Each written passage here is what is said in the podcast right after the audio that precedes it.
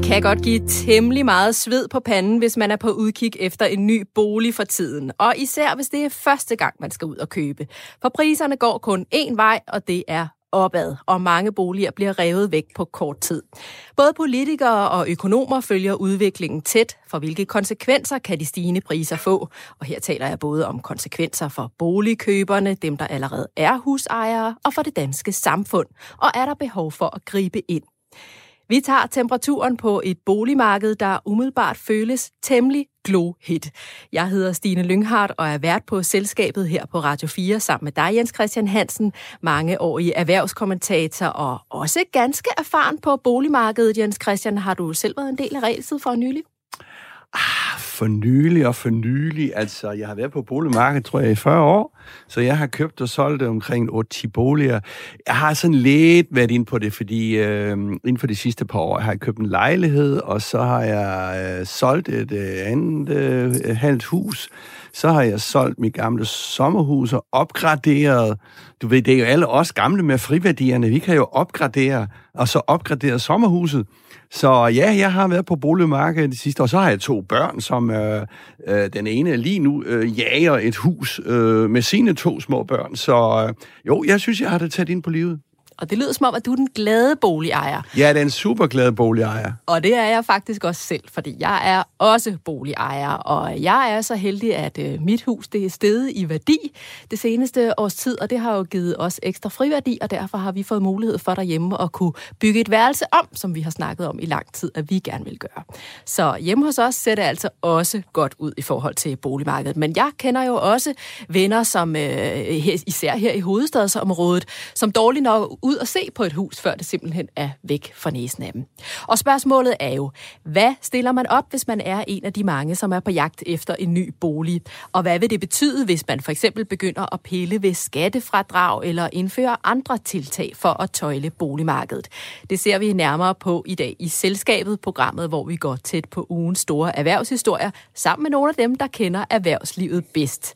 I denne uge er det Pia Toik, medejer og headhunter i Ingvartsen Partner Partners, som er et konsulentfirma inden for rekruttering og ledelse, og I arbejder med at rekruttere til ledelsesposter og bestyrelser. Hej Pia. Hej.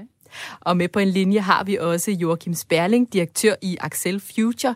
Det er en tænketank for erhvervslivet, som kommer med forskellige analyser og også anbefalinger og forslag, som kan skabe ny politik eller inspirere erhvervslivet. Velkommen til dig også, Joachim. Mange tak.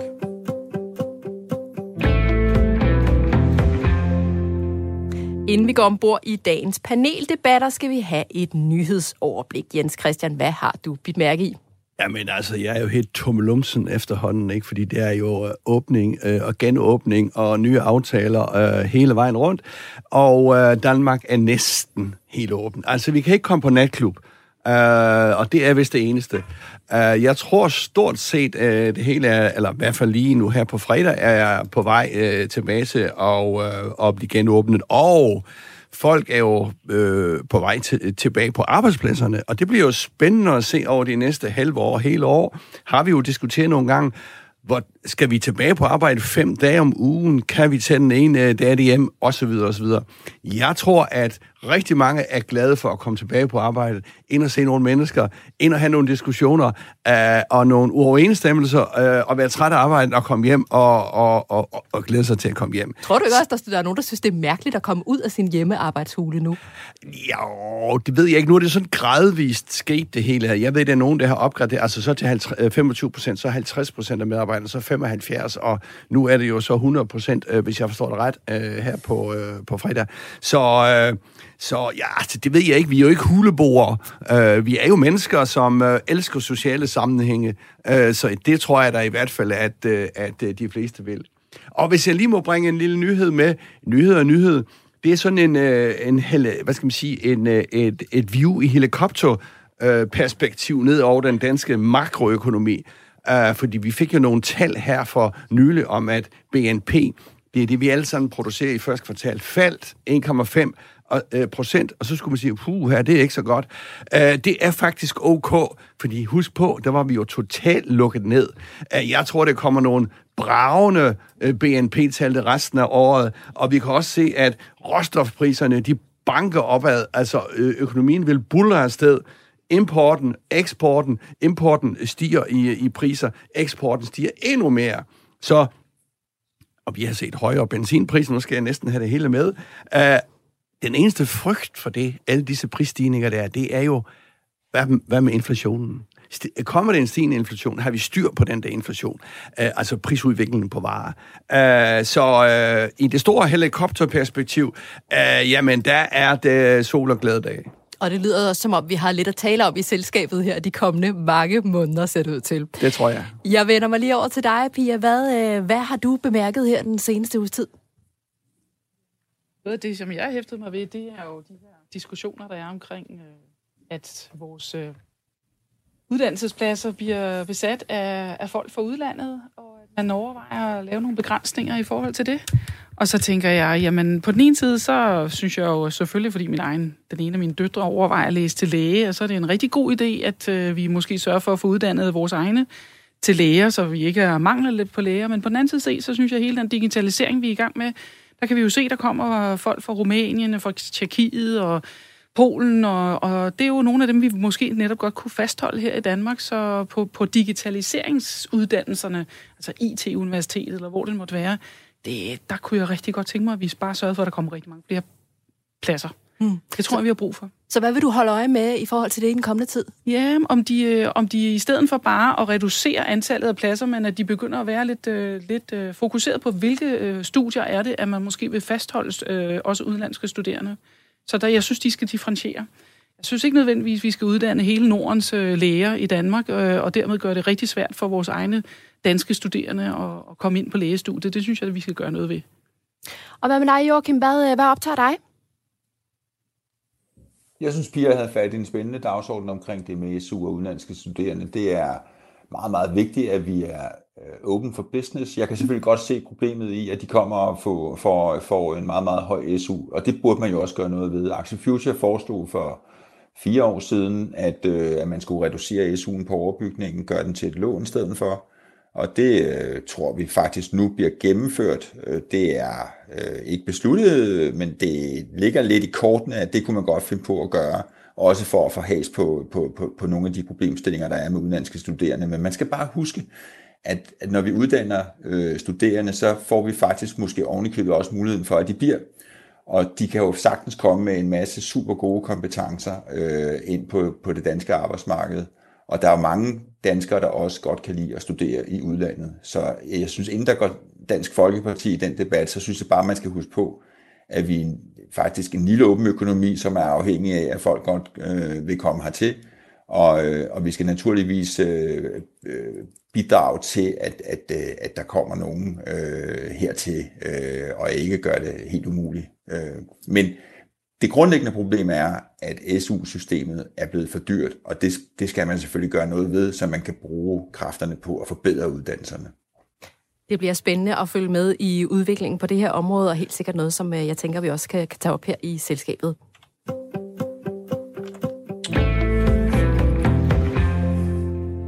Husejerne har det godt, sælgerne har det skønt, og ejendomsmalerne holder fest, for der er godt gang i boligmarkedet, og priserne bare stiger og stiger.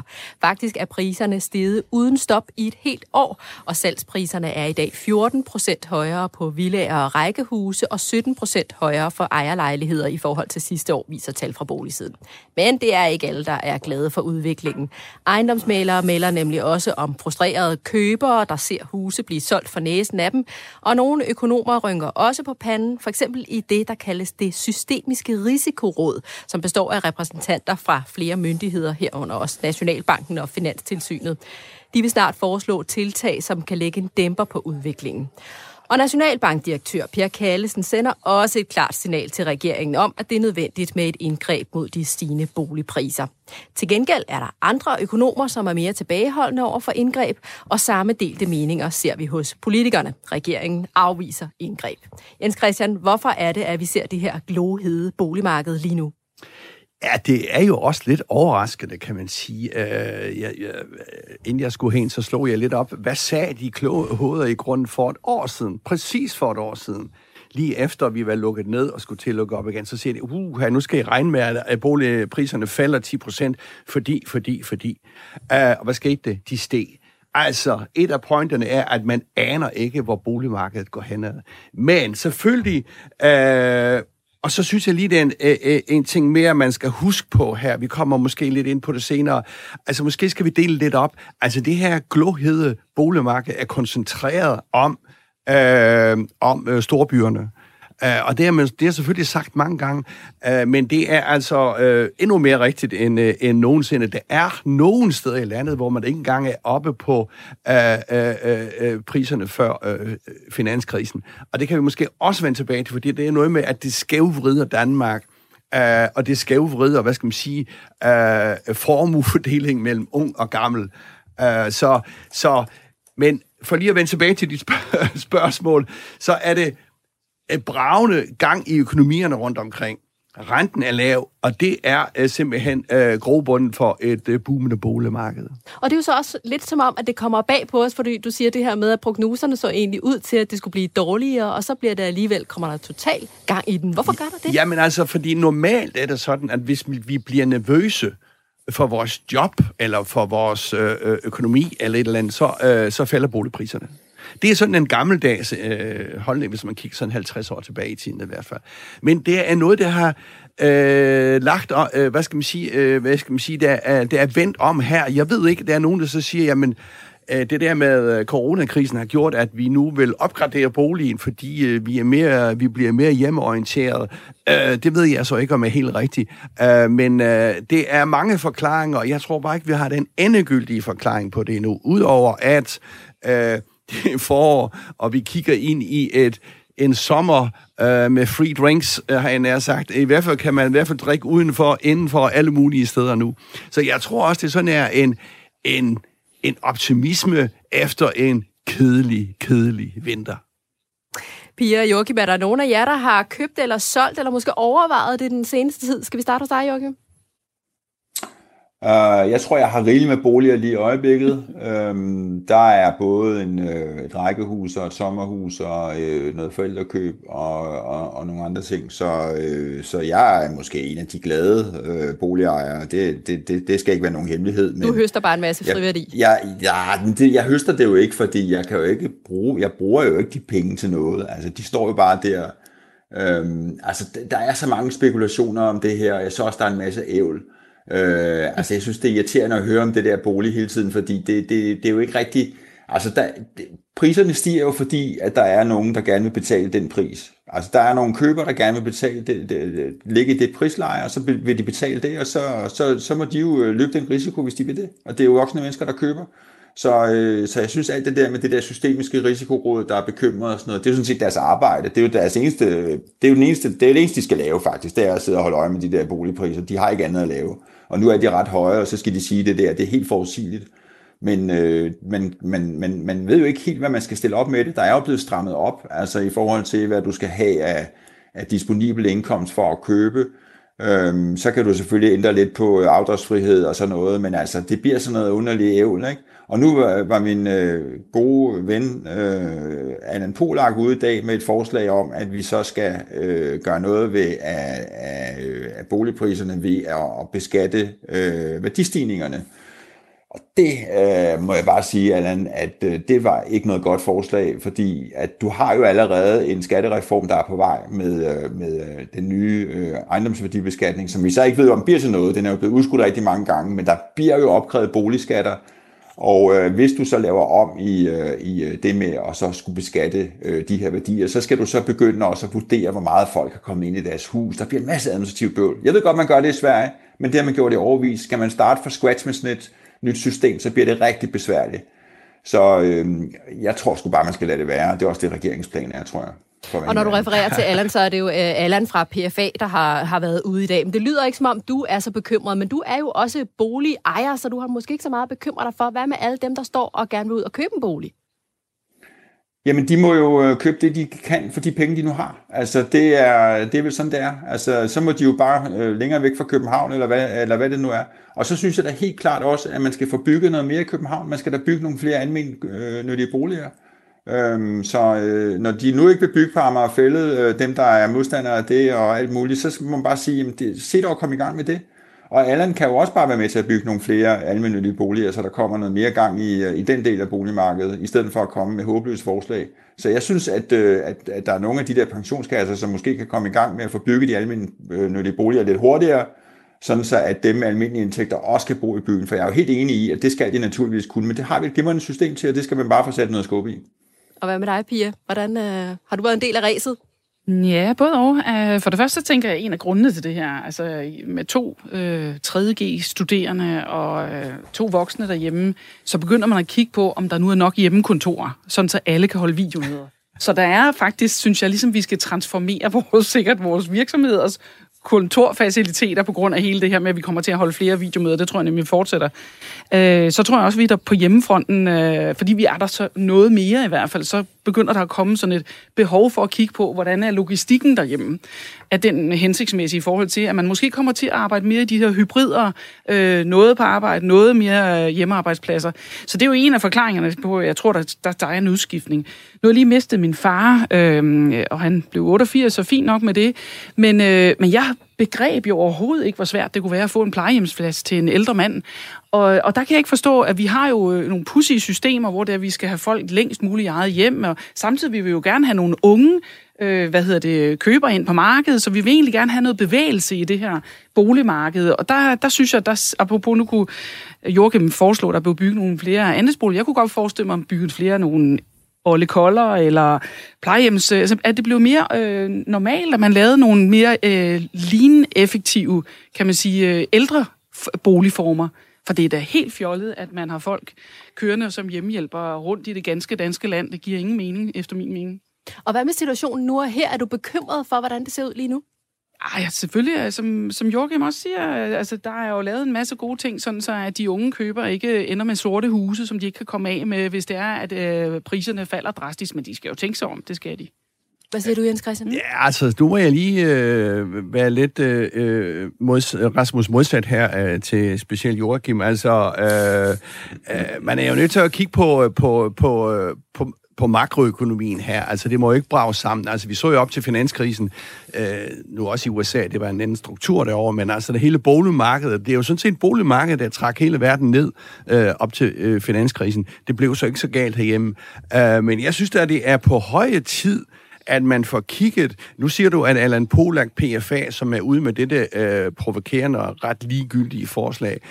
Jeg synes, det er et godt forslag, at øh, man beskatter boliggevinster. For hvis det er noget, jeg ikke har lavet en tødel for, så er det min boliggevinst. Mens jeg derimod knokler øh, for at få en, øh, øh, en arbejdsgevinst. Altså op med skatten på øh, boliggevinster og ned med skatten på arbejde og måske øh, øh, skatten på, altså øh, boligskatterne, de løbende skatter, grundskyld og, øh, og, øh, øh, og, men må jeg ikke lige sige, det vigtige, Nej, ja. vigtige, vigtige her er jo, det er jo, at man får lavet en langsigtet skattereform, så vi ikke ser som i 86 med kartoffelkuren, der bragede det jo sådan set sammen, der bragede boligmarkedet sammen, så vi skal have lavet en skattereform, øh, hvis politikere tør, og det tror jeg heller ikke, de tør, øh, hvor man så kører over 10 år, 15 år, og det, man bliver sikker på, at det bliver sådan en indfasning af forskellige ting.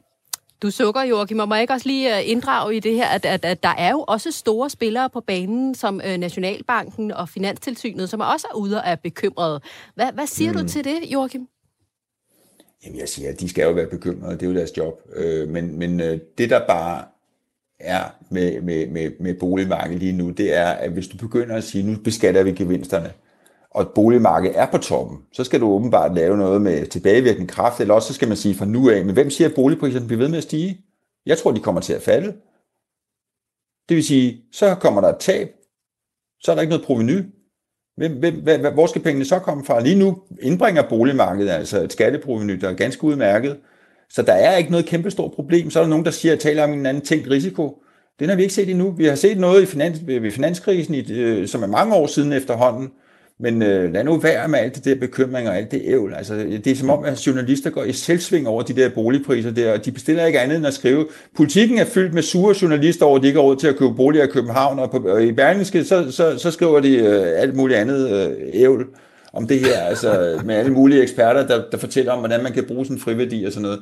Jeg synes, det er noget frygteligt sludder. Nu er det jo øh, altså ikke kun journalister, det er jo faktisk også øh, økonomer, der kommer på, jo, på men det er lidt samme, og, og det er lidt samme uh, race, vil jeg sige, det der. Så, fordi der er også en industri i det der uh, boligævl der. Og det jeg bare lige vil slutte af med at sige, fordi jeg synes ikke, vi skal bruge så lang tid, det er, uh, at i EU, der har man besluttet sig for at sælge halvdelen af sine administrative uh, bygninger fra. Fordi de skal ikke bruges. Kunne man ikke også overveje det samme i den offentlige sektor i Danmark? Fordi nu har de offentlige ansatte jo været hjemme et år. Det vil sige, altså nogle af dem kan vel godt undvære deres kontor. Kunne man ikke sælge nogle af alle de der bygninger fra, som det offentlige har, så kan folk da flytte ind dem. Så der er der nogle kvadratmeter rundt omkring, man måske kan frigive, så vi kan få noget, noget, noget mere boligmasse i København. Jeg kunne godt lige tænke mig, at I øh, lige møder boligkøberne Jesper og Tanja Strobe. De har været med i DR-programmet Råd til Corona, og øh, hør lige, hvordan de oplever markedet. Det går bare stærkt, så man skal være lidt, lidt klar i spillet. Det er det, hvad vi vil opleve i hvert fald. Det går lynhurtigt med, og altså har man lige kigget på noget, så er det jo nærmest væk 14 dage efter. Ikke? Pia, er der brug for at hjælpe boligkøbere som Jesper og Tanja? Ja, de skal have god rådgivning. De skal sørge for, at de øh, har de der sædvanlige gode råd omkring beliggenhed, beliggenhed, beliggenhed, og at, at de skal passe på med at komme ind på for højt et niveau. Sådan er det. Det har vi andre også. Det har, vi har, vi, alle vi andre har også været på den rejse. Så jeg, jeg har det sådan, at, at det kommer ned igen, det kommer op igen, og det er et meget systemisk fænomen, så jeg, jeg synes, de skal bare tænke sig godt om, om det er det rigtige, de gør. Øh, så må de ja, så må de vente indtil de kan komme ind på det marked. Og det lyder ikke som om her i panelet, at I mener, at vi er på vej ind i, i en boligboble. Er det korrekt forstået hele linjen rundt? Ah, vi er med, med, der er måske med lidt nuancer her, øh, men jeg er nu heller ikke sådan, øh, jeg er jo ikke sådan nervøs, altså for at det skal brage sammen. Jeg er mere nervøs for det, som du er inde på øh, på sidst, at de unge ikke kan komme ind på det her boligmarked. Så kan man så sige, skal de have et, øh, en bolig på Rådhuspladsen? Nej, det skal de ikke. Men, men det er der mærke, da jeg købte bolig, og nu sidder jeg på flæsket, fordi jeg har fået masser af friværdier. Da jeg købte min første bolig, det var et hus i, øh, i, i, i Lund, og det kostede 1 million kroner. Altså folk sagde 1 million kroner. Jeg havde, vi havde ikke en krone. Vi lånte det hele med sælgerpantebrev og alt muligt. Og øh, jeg tænker bare på, at hvis du har to unge mennesker, på, lad os sige, 30 år øh, med, øh, med jobs, og det er ikke noget, der tyder på, at vi skal rende ind i en, øh, i en, øh, i en kæmpemæssig øh, arbejdsløshed, jamen så skal man ikke være så stram på øh, at, at give de der øh, nogle lånemuligheder. Jeg synes, de er for stramme, de der lånemuligheder, der er, øh, for at unge mennesker kan komme ind på boligmarkedet. Men tænker du, skal man som ung, skal man afvente lidt situationen, mm. eller, eller hvad tænker du, at man skulle gøre? Nej, forventer altså I, ved du hvad, altså, øh, statistikken viser, at over de sidste 25 år, der er huspriserne tredoblet i værdi. Så jeg vil næsten sige, uanset hvornår du kommer ind, det er klart, hvis du kommer ind på toppen, øh, så, øh, så, øh, så får du ikke så stor en gevinst, som når du kommer ind på bunden. Men altså, hvis du ikke skal skilles, og det kan vi ikke styre alle sammen, eller på anden måde øh, ufrivilligt øh, skal øh, sælge din bolig, så er det altid godt. Køb en bolig, som du har råd til, og som du har brug for, øh, og så skal du nok øh, kunne sidde der og, og tjene på den bolig, hvis du kigger langt frem i tiden. Og du nikker her, Pia? Jamen, jeg synes simpelthen grundlæggende, så, øh, så er det ikke det, de skal tjene deres penge på. Det er ikke det, de skal spekulere i, altså som udgangspunkt. Men de skal tænke over, at, at det fluktuerer, og, og det har vi alle sammen prøvet. Så, så man er nødt til at tænke over, om det er lige nu, jeg skal gå ind i, i det her boligmarked, hvor det er helt overophedet. Så. Øh, hvad tror du, Jens Christian? Hvor tror du, det her ender? Vil vi få nogle indgreb? Nej, nej, nej, nej, nej, nej. Altså, politikerne er nogle tøsdrenge og tøsepiger, hvis det hedder det sådan. Fordi de tør simpelthen ikke øh, øh, øh, røre ved boligfolket. Boligfolket er et usædvanligt stærkt folkefærd. Hør nu bare Joachim der. Han sidder på flæsket. Han vil altså ikke have lavet noget om. og sådan er vi jo mange, der sidder på flæsket rundt omkring. Så nej, uh, det kan godt være, at de justerer lidt på nogle låneregler og sådan noget, det ved jeg ikke. Men, men altså, grundlæggende bliver det ikke lavet om på noget, det tror jeg ikke på. Det er jo ikke en usund, altså det er jo ikke et usundt system, vi har. Altså det, det var det jo i sin tid, altså i USA og de ja. der subprime-lån, altså det er jo ikke usundt, det vi har. Så, så ja, og vi har jo set det på, også på sommerhusmarkedet, hvor så gik det helt vildt opad, og så faldt det igen. Og der er jo øh, også øh, altså nogle steder, hvor sommerhusene er steget med 35 procent, men det er jo ikke alle steder. Nej. Så. Lad os runde den af her, og jeg kan lige tilføje, at det systemiske risikoråd forventes at foreslå konkrete tiltag i juni måned for at bremse udviklingen på boligmarkedet, og det er så op til regeringen, om den vil følge anbefalingerne. Tak til jer alle tre for denne første paneldebat.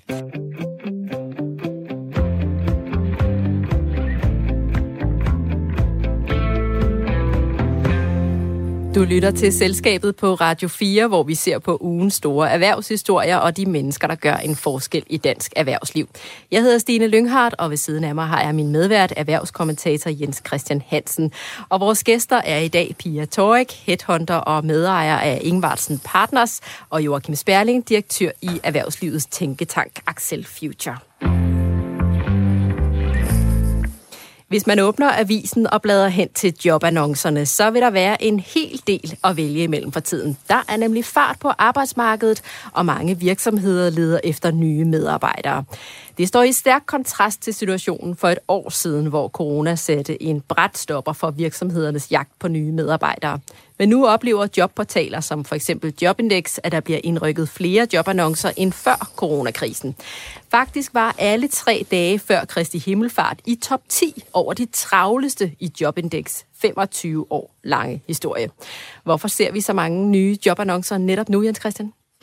Ja, men det er jo fordi, at der er sådan en generel optimisme. Det går faktisk rigtig godt. Vi har været inde på det lidt hen ad vejen. Ikke? Øh, eksporten brager afsted. Jeg tror, der er mange, øh, mange arbejdsgiver, der er lidt nervøse for at få fat i, arbejde, øh, i, øh, i arbejdskraft. Øh, øh, og selvfølgelig også med de sidste åbninger hele hotel- og restaurationsbranchen. Øh, jeg så her i øvrigt, at, øh, at, øh, at der er 13.000 ansat som podere i, i disse testcentre. Altså 13.000, som du lige tager ud af arbejdsmarkedet. Det er så selvfølgelig mange unge mennesker, øh, studerende osv. osv. Men, men, øh, men øh, bare for at sige, at, øh, at det er virkelig øh, tryk på det, og jeg tror at vi er kommet ud i en stor øh, grad af øh, arbejdsmangel, arbejdskraftmangel her. Øh. Så der er allerede lidt tegn på, at der sådan lidt er en kamp om medarbejderne, eller? Ja, det tror jeg. Jeg tror, det er meget forskelligt fra, fra, fra fag til fag, øh, men øh, det tror jeg, der i høj grad øh, vi øh, kan komme til at se her et, et, et stramt arbejdsmarked, kan man sige i øjeblikket. Ikke? Og du nikker, Pia, er det også noget, I oplever ude ved jer? Ja, vi oplever det jo ikke, fordi vi er jo hele tiden, når vi øh, leder efter topledere, så, øh, så har vi ikke samme udfordring. Men vi kan se, lige snart vi bevæger os bare et lille skridt ned i en vice president-niveau, øh, så er der virkelig kamp om de stærke kort. Øh, vi, vi er lige i tiden øh, meget optaget af, hvordan vi får fat i folk med digital supply chain kompetencer og smart manufacturing erfaringer og sådan noget. Og der er jo helt overophedet marked der. Vi arbejder jo rigtig mange forskellige øh, brancher, hvor det er, der er rigtig drøn på. Og hvad betyder det så for ansættelsesprocesserne, at der, at der er så meget drøn på lige nu?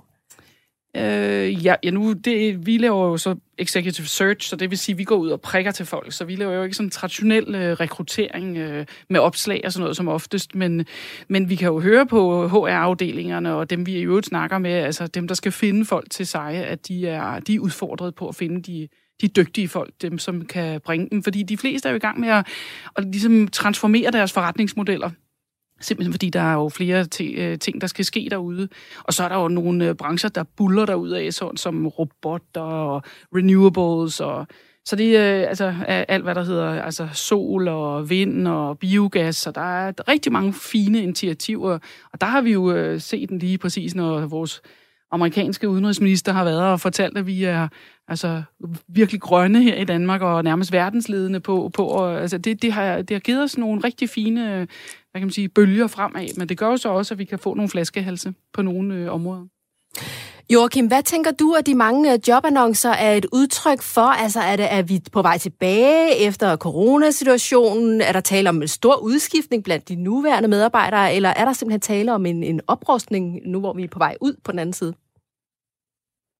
Der er meget psykologi i det, men jeg tror, at, øh, at øh, denne her opblomstring simpelthen skyldes, at der har været mange ting holdt tilbage under coronakrisen, som der har været sat på hold og nu er virksomheden så kommet i gang igen, og de kan se, at alle er sådan set glade og tilfredse, og de der hjælpepakker, der har været rundt omkring, har gjort, at der har ikke været særlig mange konkurser, i hvert fald ikke i Danmark, og heller ikke i mange af de andre vestlige lande. EU kommer med en stor, øh, denne her genopretningsplan, Øh, USA har fået en præsident, der forhåbentlig kan få det til at fungere lidt bedre derovre, og, øh, og virksomhederne har mod på, på fremtiden og vil gerne øh, ansætte.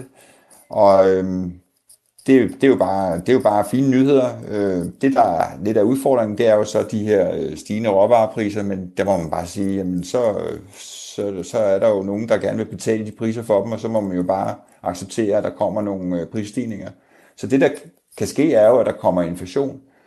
Og, øhm, og det har vi jo ikke haft i mange, mange år, og det bliver, jo, det bliver jo en underlig situation at have inflation samtidig med, at man har negative renter. Det kan jeg godt være, være sådan lidt bekymret over, hvad, hvad det kommer til at betyde. Men Hvorfor det? vi må se, hvordan tingene ud. Jamen, det er fordi, det bliver sådan en mærkelig, øh, en mærkelig situation, hvis, du, øh, hvis, du, øh, hvis, du, hvis renten og inflationen ikke rigtig følges ad, så bliver der sådan et, en, en, en, en underlig øh, udhuling af, af det hele, som, som, som, som kan give nogle uhensigtsmæssigheder. Det er jo det der med, at øh, centralbankerne de, de, øh, de holder renten lav. Det er jo også blandt andet fordi, at der er nogle lande, der har nogle enorme gældsbyrder, og hvis man hæver renten for dem, så kommer det til at betyde, at de måske defaulter eller ikke kan betale øh, afdragende, øh, renter og afdrag på, på deres lån. Øh, men lad os se, om der kommer inflation. Inflation er også blevet noget mærkeligt noget, fordi hvordan måler man egentlig den? Altså det gør man jo normalt ved at sige, når øh, lønningerne stiger så meget, og, og priserne stiger så meget. Men det der med priserne er blevet noget rigtig svært noget at måle, fordi at der er mange priser, som er faldet. Altså for eksempel fladskærme og råvarepriserne kører op og ned, boligpriserne stiger, og så er der noget andet, der falder og sådan noget. Hvordan finder man egentlig ud af, hvad, hvad, hvad prisniveauet er? Hvad er prisniveauet? Det er der efterhånden mange, der ikke rigtig længere kan overskue. Der er også kommet mange ting, der er gratis, for eksempel hele platformsøkonomien, internettet, Facebook. Hvordan prissætter man den tid, man bruger på, på det og sådan noget? Så der er mange ting, der er blevet underlige omkring det her med inflation. Øh, vi kan godt måle lønningerne, men, øh, men hvad prisen er, fordi prisen består af alt muligt forskelligt øh, vægtet sammen som er svært at måle efterhånden? Det, det, er, det er et godt spørgsmål. Jens Christian, jeg kunne godt tænke mig at prøve at høre dig. Øh, hvad, hvad, øh, er det her en god situation for Danmark, vi er i nu? Altså er det noget, vi også kommer til at kunne se i beskæftigelsestal og økonomi osv.? Ja, det er absolut. Øh, det er, jeg tror, vi vil komme til at se nogle, øh, nogle bravende øh, BNP-tal, som det hedder, altså at øh, vi øh, producerer mere og mere henover, henover året. Men, men Joachim er jo inde på noget her med inflation. Jeg synes, det er nogle ting, øh, måske et øget lønpres, øh, og hvad vil det så øh, resultere i, hvis lønpresset ligesom kom, for nogle brancher i hvert fald, øh, kommer lidt ud af kontrol? Jeg, jeg, jeg, jeg tænker tit på, at Øh, og, og Joachim var også inde på det der med, at øh, nationalbankerne, øh, centralbankerne har pumpet penge ud. De skal jo ligesom øh, trækkes tilbage igen. Øh, så hvad betyder det for renten? Altså, jeg, jeg kan huske der i nullerne, der, der var en statsminister, der sagde, at det gik så fremragende, og lærebøgerne måtte skrives om, for vi måtte tænke nyt.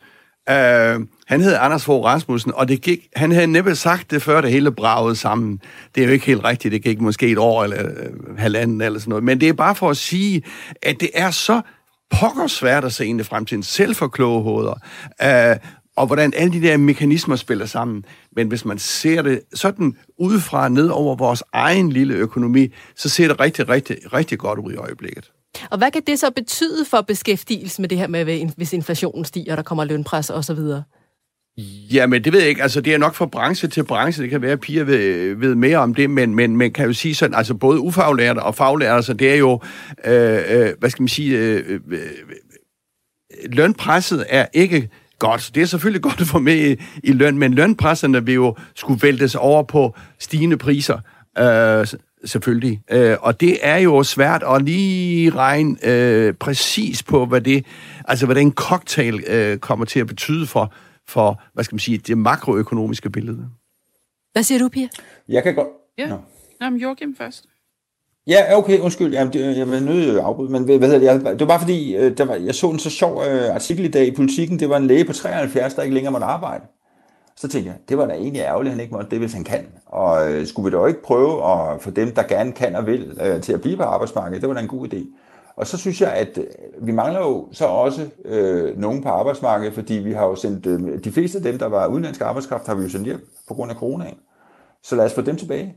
Nogle af dem er jo stadigvæk, men altså lad os få åbnet grænserne igen, fordi den øh, udenlandske arbejdskraft var jo også med til at øh, stabilisere hele økonomien. Når man kan tiltrække folk fra udlandet, som måske ikke skal have det samme løn, fordi de kommer fra nogle lande, hvor de har været vant til noget andet, så, så kunne man jo for, godt forestille sig, at hvis de kom tilbage, øh, så, så, så, så kunne man tage lidt ud af lønpresset, i hvert fald i nogle brancher. Øhm, og så gælder det jo også om at få det her øh, testcirkus til at holde op. Øh, jeg håber, at det gør det inden sommerferien, men det kan jeg desværre ikke øh, regne med. Men altså, alt det der testeri og alt det her der, det skal de til at holde op med øh, forholdsvis snart. Og når vi er færdigvaccineret, forhåbentlig her i august, så kan de mennesker, der nu beskæftiger sig i den branche, de, de kommer så også ud, og det vil nok også tage toppen af presset. I hvert fald også for de stakkels restauranter. Jeg var forleden dag på en restaurant, der skulle man så sidde og bestille sin mad på en app. Jeg har aldrig oplevet noget så forfærdeligt. Altså, det var helt håbløst.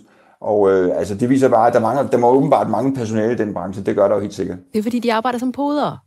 Ja, det, det, det gør det. Jeg så faktisk, at øh, prisen for øh, podere, de får 187 kroner ja. i timen, plus øh, tillæg, hvis det er uden for øh, øh, øh normal øh, arbejdstid øh, og i weekenderne, mens man på restauranter øh, øh, ikke kan betale mere end 130. Pia, hvad er det for nogle øh, brancher, der hungrer efter medarbejdere lige nu? Jamen, det er jo, altså, det er jo stort set øh, det private erhvervsliv. Jeg synes i det hele taget også, vi er nødt til, en ting er, at vi skal have ældre ind på arbejdsmarkedet øh, og holde dem længe, og vi skal have de udenlandske retur, men vi skal også passe på, at vi ikke lige pludselig har for mange, der rusher over i den offentlige sektor. For mig se er det rigtig vigtigt, at vi laver de der fantastiske grundstrukturer i det her samfund, der handler om, at vi er så digitale, vi er så effektive, vi laver lean alle vejen, øh, også i den offentlige sektor, sådan så vi kan frigive, kan man sige, arbejdskraft til den private sektor. Så det er, det er en stor vigtig ting, at vi ikke risikerer, at det lige pludselig rusher over i, i, i øh, forskellige netop... Øh, forskellige, forskellige øh, arbejdspladser, hvor det er, at vi egentlig har brug for dem uden i private erhvervsliv. Jeg så faktisk lige, hvis mm. jeg lige må tilføje mm. her, at der er flere ansatte i den offentlige sektor end længe. Altså, og jeg synes, de offentlige sektor laver et fremragende ja. stykke arbejde.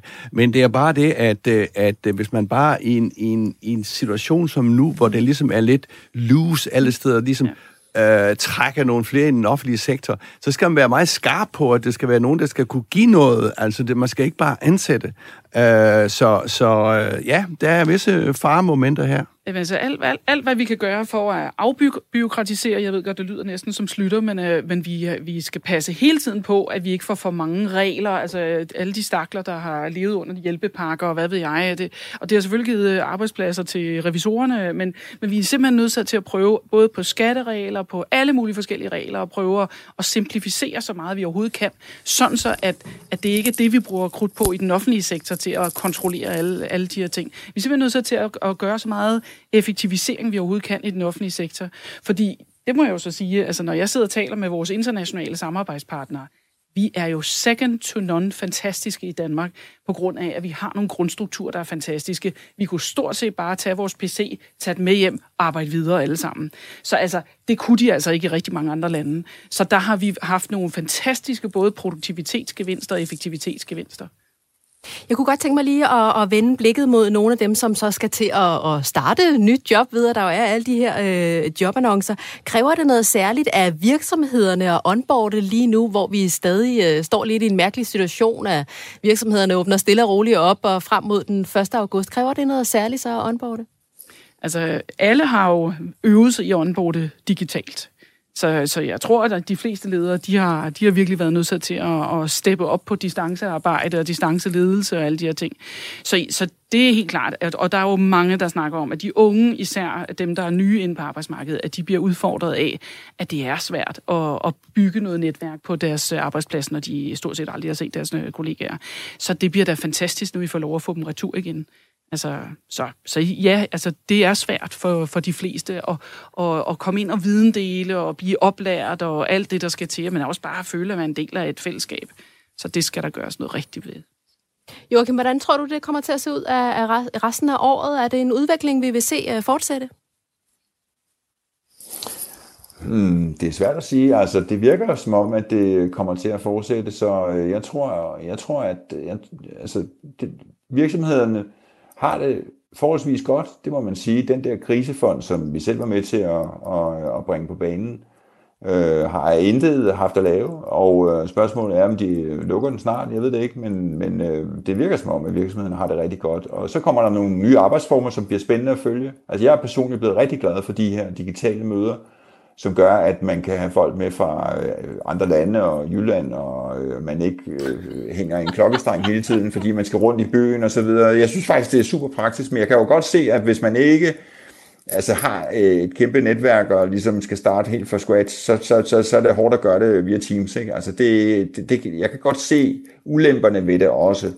Men, men hold da op, hvad har det bare øh, givet nogle produktivitetsgevinster rundt omkring, at man, øh, at man kan bruge de her værktøjer her. Det er, det er jo helt vanvittigt. Så, øh, så det tror jeg kommer til at betyde rigtig, rigtig meget. Og det kan måske også betyde noget, må jeg sige det, Stine? Det kan måske, altså, nu snakker vi om boligpriser.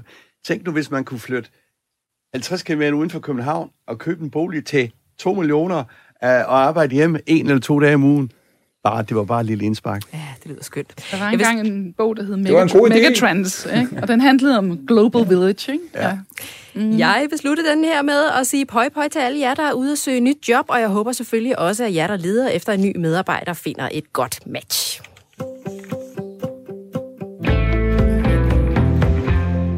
Nu skal vi videre til ugens erhvervsprofil. Hver uge tegner vi her i selskabet profil af en person, der spiller en stor rolle for eller i dansk erhvervsliv.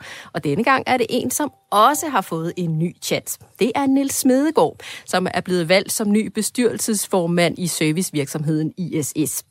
Niels Medegaard er blandt andet kendt som tidligere topchef i rederiet DFDS, hvor han havde stor succes. Da han i 2019 forlod rederiet efter 12 år, var aktiekursen steget med 148 procent siden hans tiltrædelse. Og siden da har han også haft forskellige bestyrelsesposter i blandt andet Norwegian, Falk og Bikum-fonden. Nils Medegaard er også ganske velkendt i det her program, for vi har haft ham oppe før, men nu er det altså en ny rolle som bestyrelsesformand i ISS. Jens Christian Nils Medegaard er jo en, der popper op med jævne mellemrum. Hvorfor er han så svær at komme udenom i dansk erhvervsliv? Ja, men han er jo en af vores rockstjerner. Uh, hvis vi har rockstjerner i erhvervslivet, så er han en af dem, uh, uh, som kan nogle ting. Uh, du nævnte selv uh, DFDS, uh, som han uh, fik, uh, fik i den grad. Altså, der var han Gud øh, blandt sine medarbejdere og blandt sine øh, underdirektører. Han var simpelthen øh, øh, øh Gud der.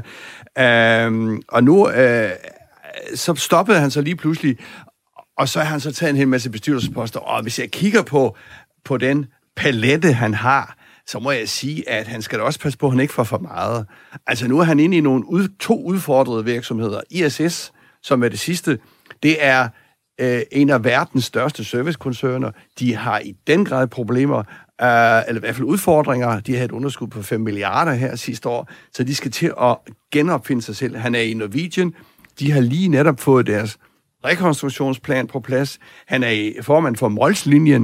Uh, han er i DSV, øh, det store uh, logistikselskabs bestyrelse. Han er i Falkbestyrelsen og i nogle udenlandske bestyrelser.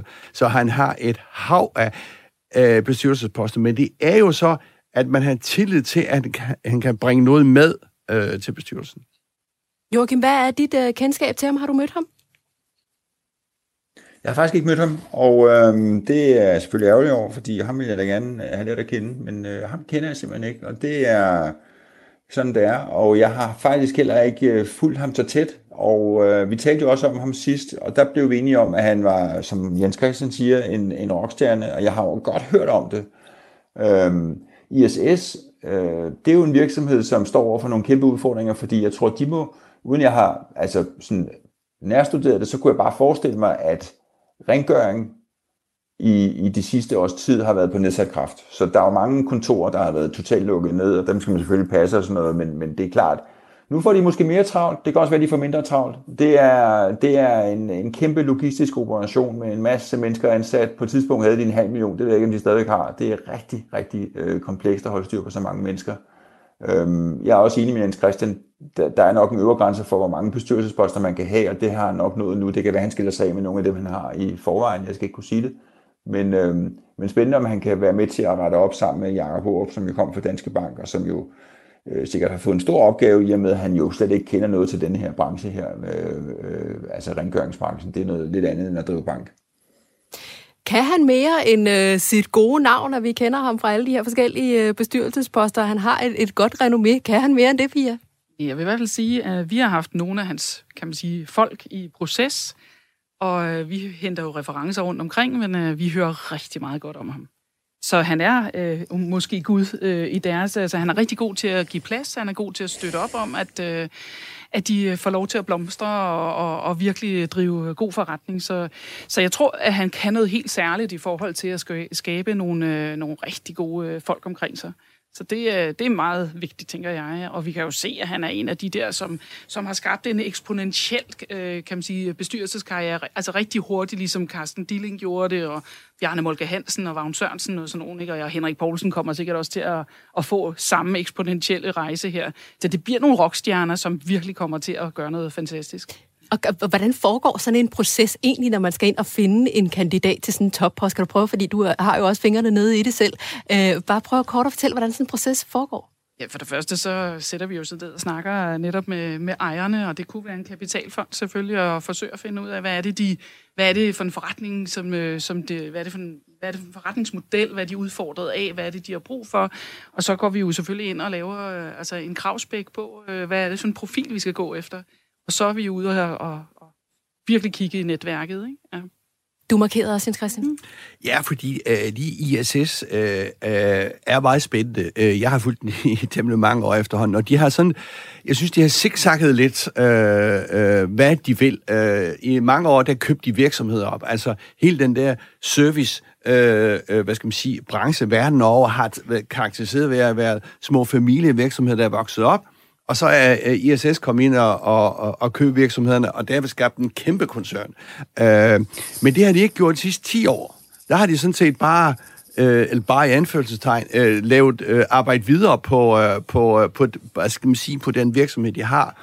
Jeg tror, at den nye ledelse øh, Joachim var lige inde på det, altså et meget overraskende skifte fra øh, på topchefposten øh, ISS fra Jakob Orum, som kom fra Danske Bank. Han kom i efteråret 2020, så det er to helt nye. De skal ud og genopfinde ISS. Og hvordan gør man det? Jamen det kan man jo gøre på den måde, at man siger, okay, vi skal have et genop, øh, øh, vi, skal, vi skal genopbygge øh, hele den der opkøbsfilosofi. Det tror jeg, de vil øh, komme tilbage på. Så skal vi have styr på finanserne, og så skal vi øh, være skarpere på øh, produkterne. Men opkøb, opkøb, opkøb, det tror jeg, det kommer til at stå i. Øh, øh, og det er jo en svær proces øh, øh for, og det har øh, Niels Smedegaard jo gjort i, øh, i høj grad i DFDS også.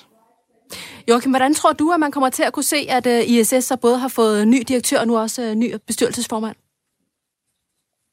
Ja, altså han afløser en, der hedder Lord Allen of Kensington, øh, som er Knight CBE, og øh, ja, jeg, har ikke, jeg kender ikke ham, men, men, og han kan sikkert være rigtig, rigtig fin, men jeg tror, at, øh, at der er brug for, for, for at få nogle friske kræfter ind, som, som, kan, som kan virkelig øh, tage fat på at finde ud af, hvad der, hvad der egentlig er formålet med den her virksomhed her. Fordi det var ikke nok, som Jens Christian forklarer, at den er jo blevet til ved hjælp af en masse opkøber. I rigtig gamle dage, så lå de der servicefunktioner jo internt i virksomhederne, og så lagde man dem jo på et tidspunkt ud, fordi man skulle fokusere sin kerneforretning, og så man ville ikke have sådan en rengøringsafdeling. Så den udliciterede man jo så til ISS, og i nullerne, så troede man jo så, at det her det kunne vokse ind i himlen, ikke? og de blev kæmpe store og, øh, og alt sådan noget, og en global virksomhed er super spændende, men, men, men det er jo en low margin virksomhed, hvor at der skal bare sælges rigtig, rigtig mange timer og, og vindes nogle kontrakter, og det er, det er bare meget, meget konkurrenceudsat.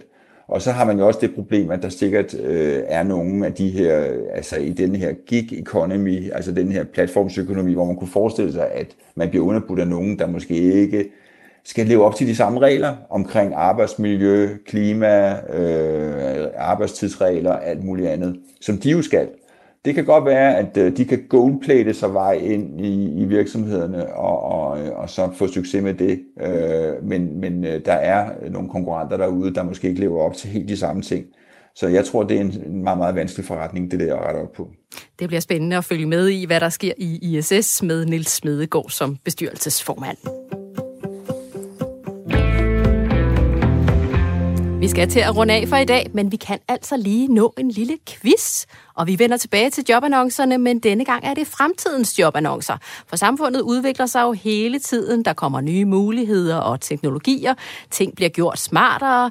Men hvad skal folk så lave, hvis deres job ikke længere eksisterer? Det kommer Storbanken Bank of America faktisk med nogle bud på i en ny rapport. Og nu siger jeg tre forskellige jobtitler, og så skal I gætte på, hvilken en af dem Bank of America rent faktisk tror på bliver realistisk i fremtiden. Tror I, det bliver muligt at søge job som rumturistguide, altså i takt med, at vi udvikler rumfarter, det man måske kan blive turist ude i, i rummet, og så skulle man have brug for en, som både kan vise rundt og har styr på sikkerhed. Eller er det en fritidsplanlæg fritidsplanlægger efterhånden, som maskiner overtager mere af vores arbejde og flere af vores opgaver i hjemmet også? Kan det betyde, at folk får mere fritid? Så har man brug for en, der kan organisere fritiden. Eller er det en laboratoriekødforsker?